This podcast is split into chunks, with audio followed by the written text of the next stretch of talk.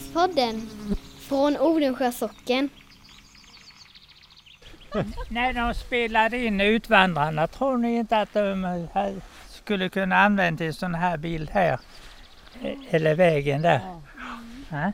En jätteslingrig gammal väg.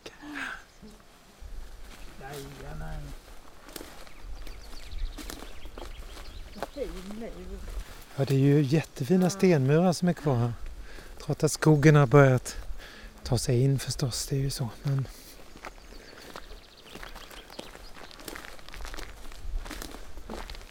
Var är vi på väg nu?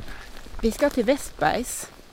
Eh, det var här som eh, mösseskräddaren Karl Emaus Westberg bodde med sin familj.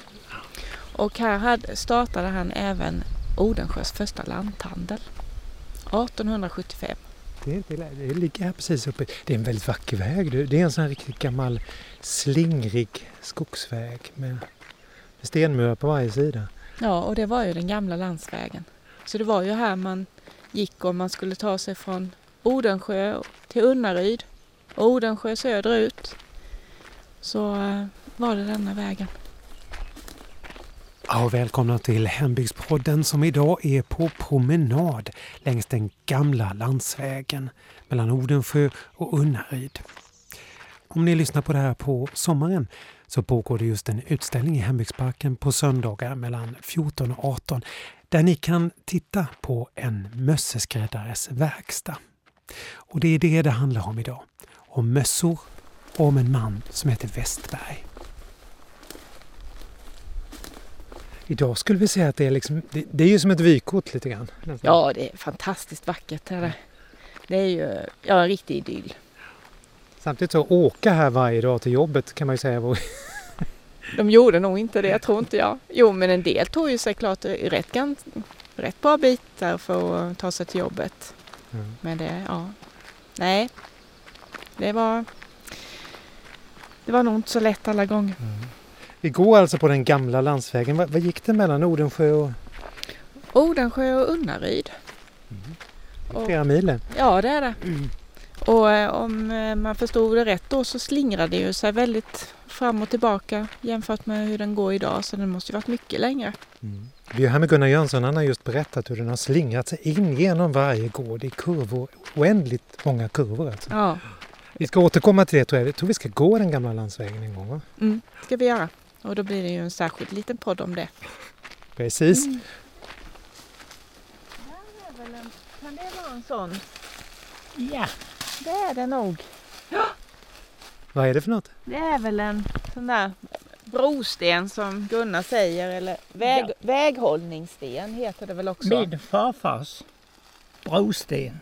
Din farfars brosten?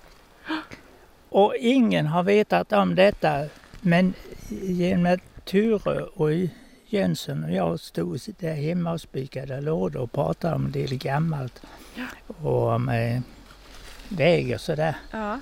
Så säger han, ja farfars brosten står väl kvar där uppe vid Väsbergs.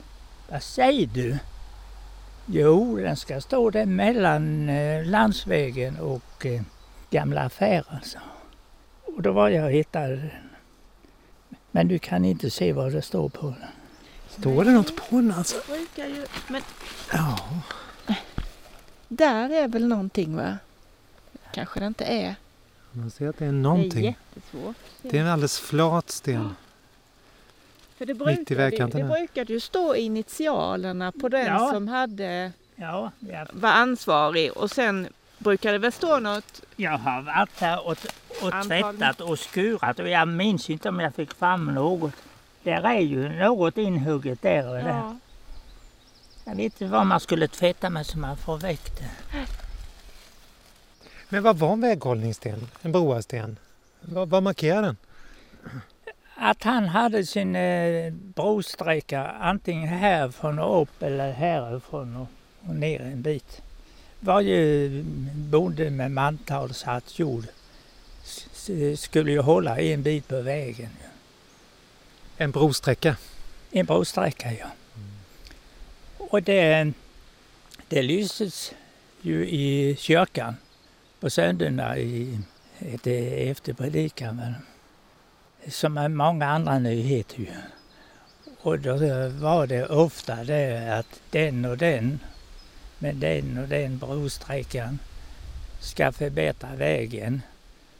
Löst material bortföres, strikt grus påföres.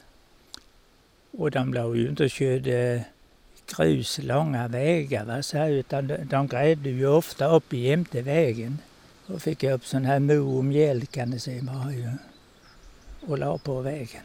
Här finns ju en hel del sådana hålor ut med gamla landsvägen som vi ska titta på sen. Det, det måste ju ha inneburit att det, det måste varit väldigt olika kvalitet på vägen. Ja, ja, Beroende på vem det var som skötte den och, och ja, vad man fick tag i för material och så. Jag stackare som hade det här nere i mossen. Ja. Det kan inte varit lätt.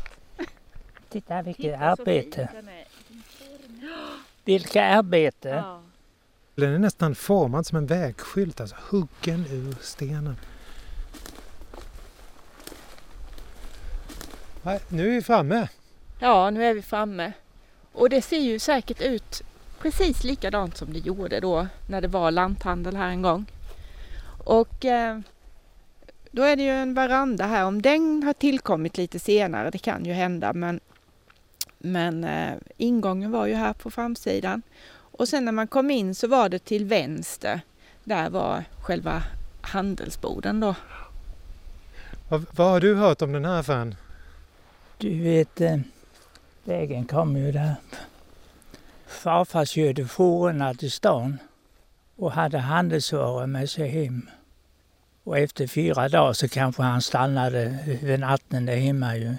Men sen körde han väl upp varorna här till affären. Och det var ju eh, fotogen och socker, salt och krut som de sprängde sten med. Så körde han upp hit? Ja, det är givet. Mm. Jag kunde inte få vara på annat sätt innan järnvägen. Det var ju häst. Men det här var den första affären då? Va? Ja, det var det.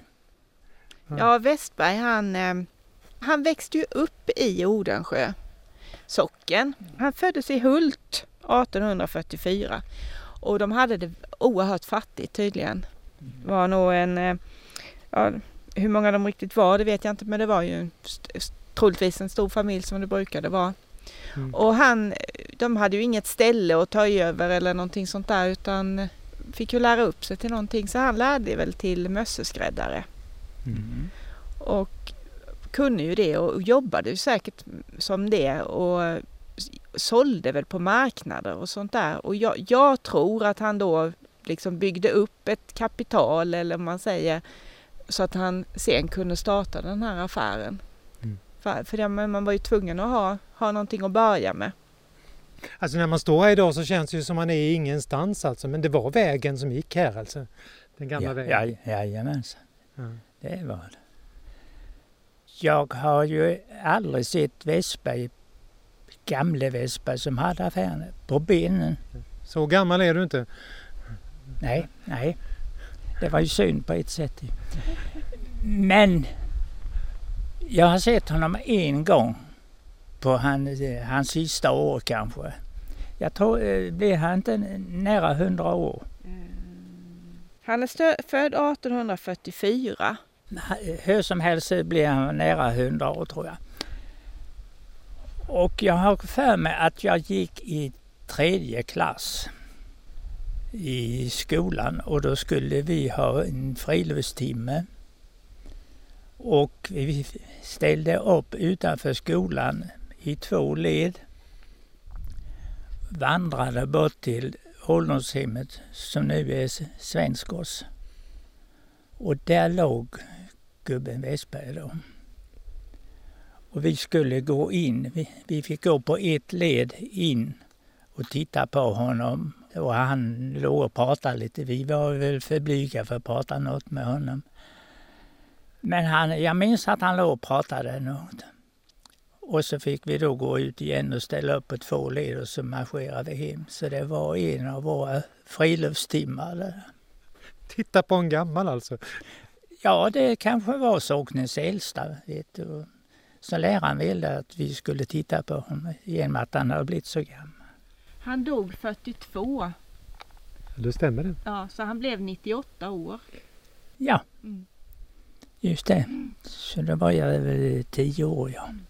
Tredje klass. Vad hade du på dig?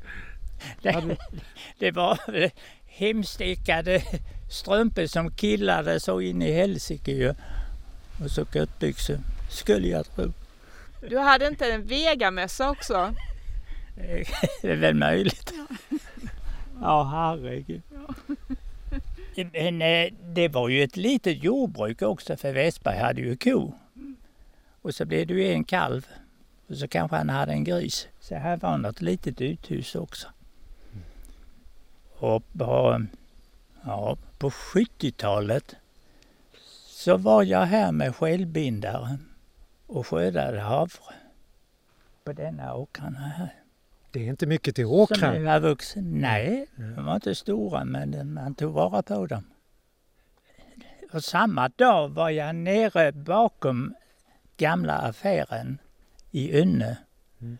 Det var en åker så de, de hade ju också djur och skördade havre där. Det är otroligt. Och nu är det bara buskar. och- Mm. Mösseskräddare. Har du, vad gjorde man för mössor? Vet du det? Alltså, eller? Nej, mm, de här vegamössorna, det var väl hans specialitet skulle jag tro. Mm. För alla de här halmhattarna och det vet jag inte om det tillverkades något här, men han var ju ute mycket på marknaden. De påstår att han, han, han eh, vandrade långa, långa sträckor. Och så bytte han väl och mössor mot hattar så här så hade han större sortiment här. Ja, vad gjorde han för något? En mösseskräddare alltså. Ja, det var ju den här typen vegamössa eller en sån här Emilmössa. En sån här mysse. Den typen av mössa var Emils, gjorde. den där klassiska med lilla hårda eh, kepsen där framlängs. Ja, en, en mjuk liten kulle och sen så är det en hård skärm och en ganska hård kant också. Och så Mm. brukar det ibland vara lite dekoration här fram. Här typiskt i blått eller svart. Mm. Ingen. Varför, varför heter det vegamössa? Ja, vegamössa hette det för att det var när, hette han Nordenstjärn, Norden, vad hette han som åkte till Nordostpassagen? Nordensköld? Nordenskjöld va? Ja. Jaha. Nordenskjöld, han gjorde ju den här stora expeditionen upp till Nordostpassagen. Och då åkte de ju med ett fartyg som hette Vega. Och eh, de, de som jobbade på den hade väl mössor, den såg ju likadant såg ut så, det stod väl Vega på dem. Och då blev den här Vegamössan jättepopulär. Ah. Och det var på 1870-talet. Så det var så det kom till alltså? Ja. Ja, de fanns tydligen innan men då blev de ännu mer, de blev riktigt populära. Mm. Och sen var de ju poppis långt in på 1900-talets början där. Ja, visst. Vi har ju ett eh, skolfoto nere i församlingshemmet som är från 1905.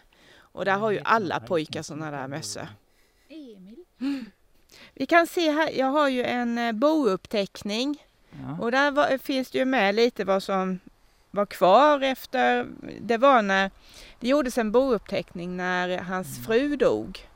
Och då skrev man ju även upp allting som fanns i affären och, och skrädderiet. Och eh, jag har för mig att det stod någonting om vad det fanns. Jag ser här. Du får leta. Ja. Mösskärmar och svettremmar. Mm. Har du haft vegamössa? Jaha. Jag har faktiskt en liggande fast det är ju lite modernare. Men far hade alltid vegamössa. Det hade han. Ja, jag tror han hade på fotografiet där han sitter på mjölkballen. Det- Just det, det finns ett jättefint fotografi där han Ja, sitter på mjölkvallen. ja, Det som du har gjort ja. träfigurer av nu. Ja. Jag har för mig det. Mm. Mm. Men var det både till, det var till vardags då så att säga? När man arbetade? Det var väl både och. När den var ny så var det ju fin mössa ju. Eh, De åkte ut på fester och, och marknader och så. Och sen så blir det mer och mer vardagsmössa väl. Annars de vanliga huvudbonaderna, det- det var ju ofta hattar. När de jobbade, det kan man ju se i gamla bilder.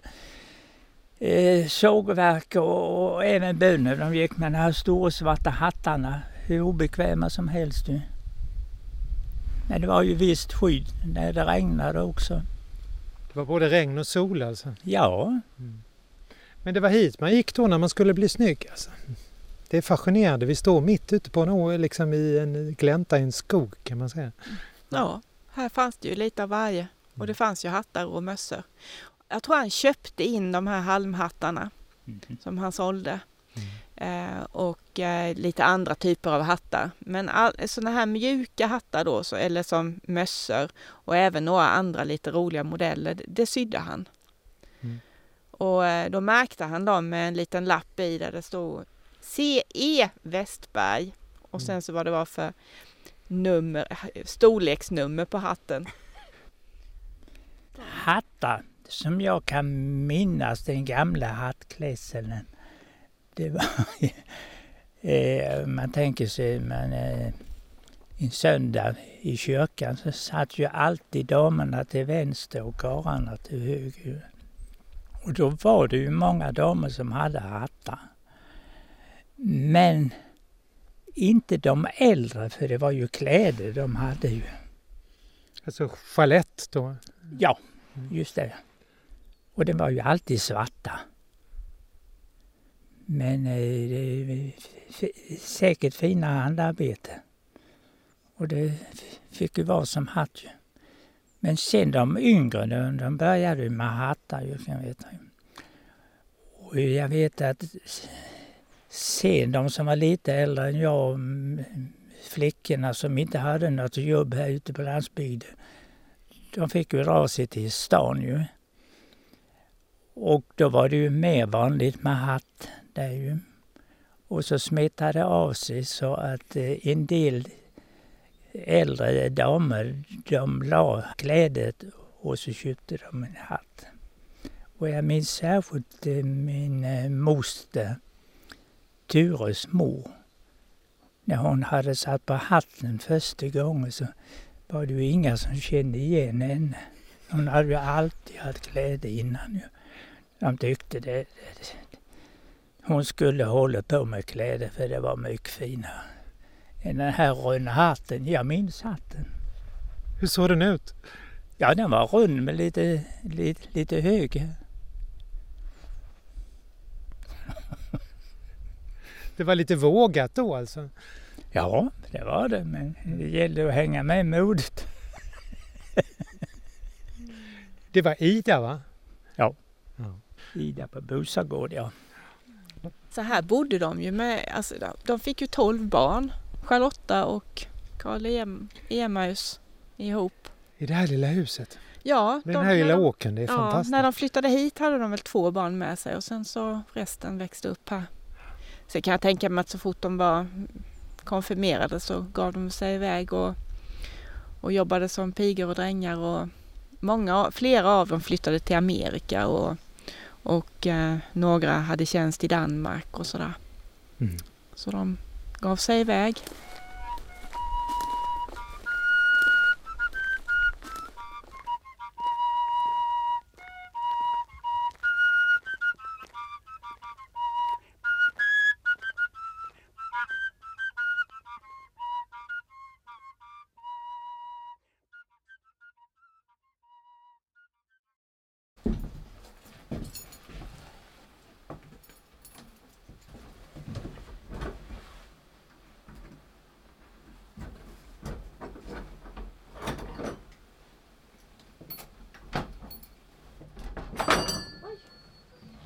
Titta golvet. Vilka brädor. Oj, oj, oj, oj, oj. De är så en halv meter breda de här brädorna. Fantastiskt.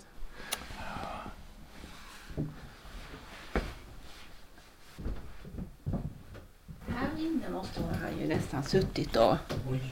Tror ni inte det? Att han satt här i detta rummet och, och sydde sina mössor. Jaha, det är bra ljus här inne också. Ja, bra ljus och sen en, eh, en rörspis man kunde elda i. Mm. Skulle inte förvåna mig alls. Jaha, det är ju en jävla nåd att de inte har plattat här med gipsplatte och, Att det är kvar och, som... och lagt in parkettgolv. Ja, de flesta hus har ju gått igenom den resan på något vis. Det...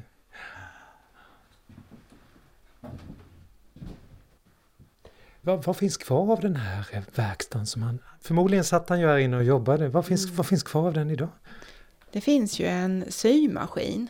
Den ser ju lite speciell ut för det, den liksom, ja, det sticker ut en, en del och så kan man liksom sy runda grejer.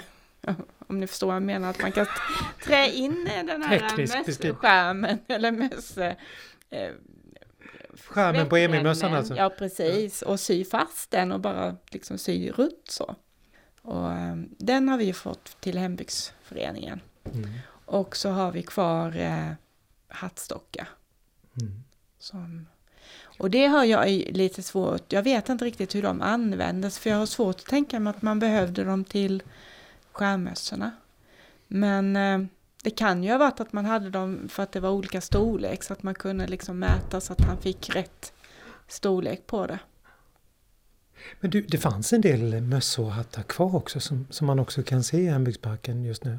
Ja, det gör det. Och eh, det är ju Nanna och Alexander som har huset här. Det är eh, de som hittade att det låg kvar mer saker här och frågade oss då om vi ville Mm. låna dem. Hur såg det ut? Ja, det var ju det var två stora sopsäckar, svarta sopsäckar som jag och Anette öppnade. Och eh, ja, att det inte sprang ut en liten mus var ju konstigt, men så de var ju lite musätna en del av dem. Och en av dem hade de byggt ett riktigt fint bo i faktiskt. Det kan man se nere på utställningen. Ja, det, Och det det, är- Den är där med musbo och allt alltså. Ja, precis. Och eh, det allra skojigaste tycker jag med det där lilla musboet var att det var en liten, liten bit av en bok som låg. En liten bit, bara sån här gnagd och fin. Och på den så står det huvudsaken. En Mycket läskunnig mus måste det varit. Eh, och eh, så fanns det ju både de här typen av eh, skärmössor då, vegamössor. Och eh, det finns, fanns även en mängd med halmhattar och andra typer av sådana här hattar med, eh, med brätte och så. Mm. Och det var ju sånt som Westberg hade köpt in och sålt, sålde sen då antingen här i affären och på marknader och så. På sina resor. Ja, precis. Det finns en fin beskrivning av lanthandeln, eller hur, den första lanthandlaren. Och det var ju han då. Och där de då berättar att han, att han åkte till Unnaryds marknad speciellt. Det var den, åkte han ju då, det var ju första onsdagen i, eller är det andra onsdagen i månaden va? Som Mm. det är. Den marknaden finns ju kvar idag. Ja, den gör ju det. Så det är bara att åka dit. Mm. Jag vet inte om de säljer halmhattar längre, eller mössor. Mm. Men marknaden finns där. Alltså du är ju byggnadsantikvarie, man får inte vara musrädd då alltså. Nej, det får man inte vara. Och de här, ja om vi återgår till mössorna i, i plastsäckarna, Mm. så blev de fantastiskt fina när jag och Anette plockade fram några klädborstar och borstade av dem. Jättefina! Sen visst är det lite små hål och lite band som är borta och sådär, men de duger absolut för att ha till en utställning. Man ska inte vara så rädd för det här egentligen. Nej, Mm. nej, det är inte så farligt. Nej. Ska vi gå in i det lilla köket också? Det gör vi. Det är här va? Ja. Om jag minns rätt.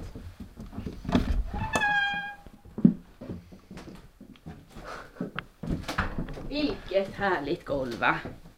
Nu är vi inne Det är i så köket här. i- Slitet så att eh, knaggarna liksom har gått upp så och är kvar.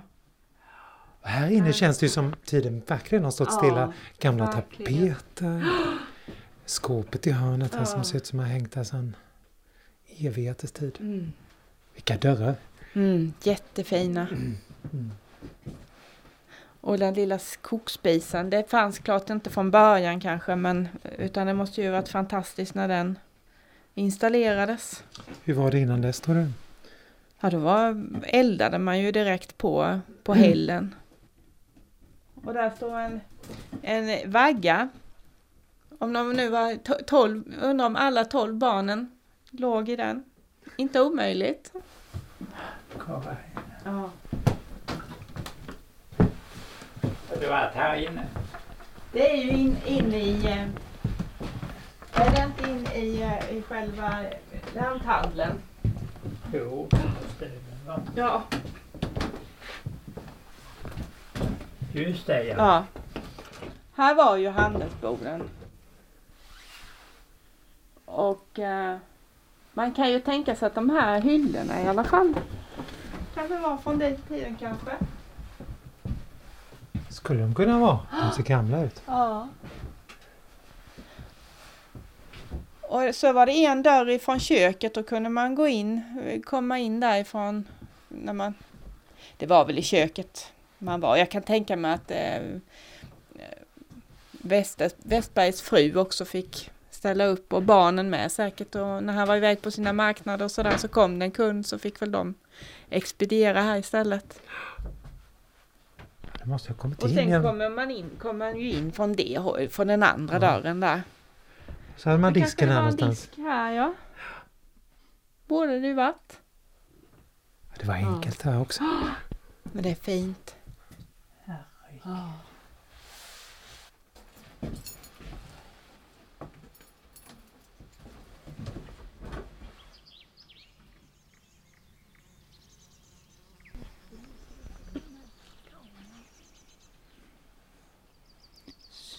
ni ser så är här ju en källaringång och här finns väl lite utrymme under huset.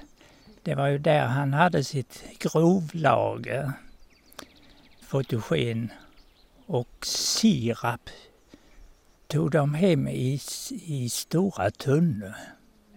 Och sirapen på den tiden det var ju en avfallsprodukt från sockerbruken ju. Så det var ju nästan som melass. Väldigt mörk alltså. Påstå, som melass ja, som man har till djuren. Och då när eh, gubbarna, till exempel farfar, när han kom från stan så rullade de ner tunnorna här och in. Så var det Sven Svensson som berättade gärna en historia som hade hänt här inne i källaren. Och jag vet inte, för det verkar nästan som att han själv hade varit med om det. men Jag vet inte. Eller det hade hänt lite tidigare. Och det var det att det var lite mörkt och skumt en kväll. Och Vesberg stod och tappade upp sirap i ett kärl. Hade skruvat väck korken på fatet och det, det rann ut där ju. Och så sätter han tummen framför där korken skulle vara i fatet ju. Och så skulle han då sätta i pluggen och då hittade han inte den. Han blev så förbaskad så han hade skräket Mina, mina, förbannade Mina och Pepan och Pajken. Mina var väl hans dotter då och Erik var väl Minas son. Han ville ju att de skulle hjälpa honom att leta upp korken. Men han stod där och höll. Men det var några ungdomar som hade smugit in och tagit korken. Det var bara jäkla stycke ja. Det var några ungdomar. Kanske att Sven var med, jag vet inte. Så fick han stå där med fingret i hålet alltså. Ja, jag vet inte hur det avlöpte. Han kunde inte gärna ta ut det. Det måste ju ha varit det. Ja. Vilken himla charmig trapp. Va? Ja, det är en väldigt vacker trapp. Det är en eh, lavad Ja. stentrapp kan man säga. Den är inte murad. Sen i slutet, alltså när, när de blev gamla så flyttade en av döttrarna hem. Och hon fick en son som hette Erik. Och Erik startade så småningom en lanthandel i Önne. Och för att eh, tjäna lite extra pengar och få det till att gå runt så eh, körde han även posten. Just det, och det kan man också se i utställningen, hans postväskor. Det är alltså sonsonen. Ja, han hade kallat honom morfar. Mm. Och eh, så han gick ju i sin morfars fotspår kan man säga. Erik Westberg, honom har du ju mer minnen av va? Jajamän. Ja. Hur var han? Hur var sonsonen då? Både som handlare och när jag åkte med farsan på fjädervagnen till eh, Ynne. Han skulle ha malet i kvarnen. Så brukade han stanna utanför affären och så fick jag då en slant och så skulle jag gå in och köpa gammaldags lakrits, sa han. Den var bisk. Den var ju gjord på rena melassen ju. Men eh, och så gick jag bort till kvarnen sen över den gamla. Det var en träbro på den tiden. Det var liv i Önne. I Önne ja. Mm. Ja. Det för det första den stora bondgården ju. Och så var det ju kvarn, såg, hyvleri, stickhyvel och till och med en liten enkel kraftstation ju från början. Och så var det mejeri och affären ju. Någon gubbe hade sagt att det finns precis allt i Önne. Men någon smed duger de inte till att göra. Så, Ha. så det fattades. Men du, Erik Westberg, sonsonen till Karl här inne i huset där vi står nu. Han körde ju posten också va? Som Jenny berättade ja, här. ja, ja. Mm. Han hade ju en lättviktare och en stor skinnväska eh, där framme och eh, sen hade han ju en bra pakethållare så han kunde frakta en del. Han körde då från Önne och ner till poststationen i Odesjö och där satt Edvin Nilsson som poststationsföreståndare. Ja, och tog emot en del poster så var det ju en del som var postar som skulle ut i åsen. Då körde han ut i åsen och bytte där ju. Och så var det tillbaka till Odensjö och lämna posten. Så Hult och Skrinhult och byarna runt omkring fick ju hämta posten där ju. I Odensjö. Ja, det fanns ju inga postlådor. Ja, och det gick ju hur bra som helst tills under krigsåren. Så fick han inte fatt i däck. Nej, då fick han trampa ju. Trampa. Ja, på en trampcykel. Han fick inte bensin till sin lättviktare. Och eh, till slut så var däcken slut på cykeln. Och han fick inte tag i några däck. För att det var ju ransonering på allt. Då skruvade han väck motorn på lättviktaren. För där hade han bra däck på den. Och trampade hela rundan. Ni ska tänka med den utväxlingen. Det var på en, lättviktare ju. Han fick ju trampa dubbelt så mycket som han gjorde på sin trampcykel.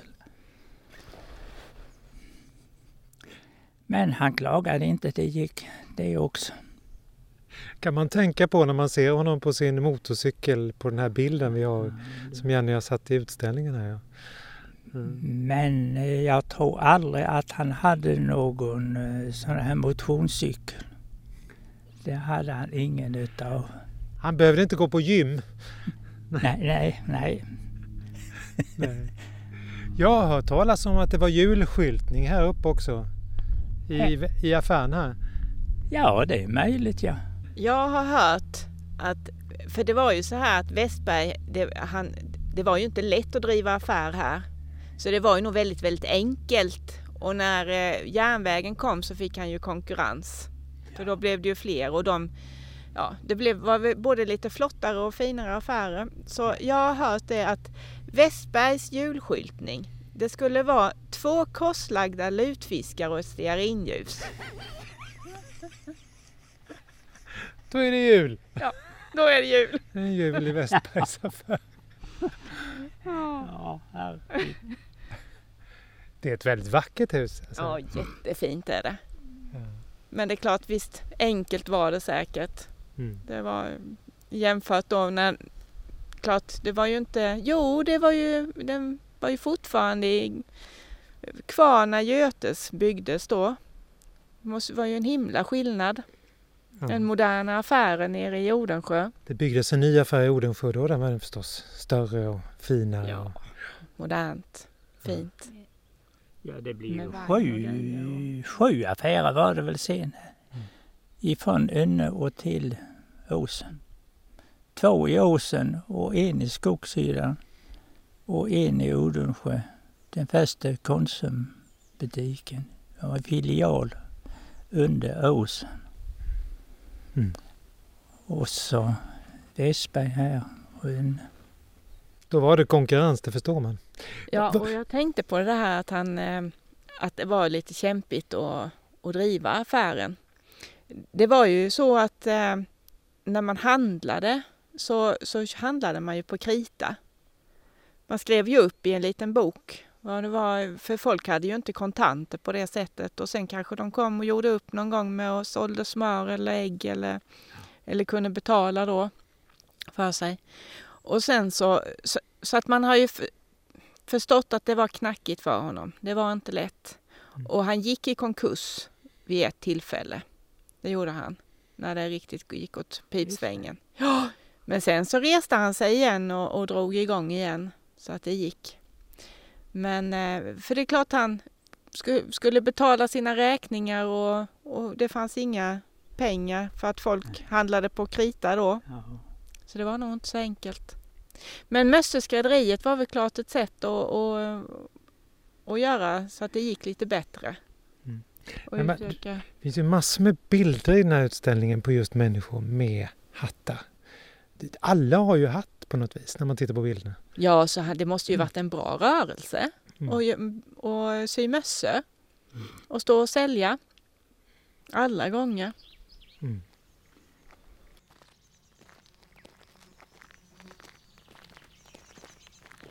När landsvägen gick här och, och det, jag menar, det var ju inte så himla långt upp till några lite torpställen och så. Då var det ju inte så himla öde här egentligen utan det var ju Nej, det är som man tänker idag då när det inte finns så många bostäder Ja. här uppe.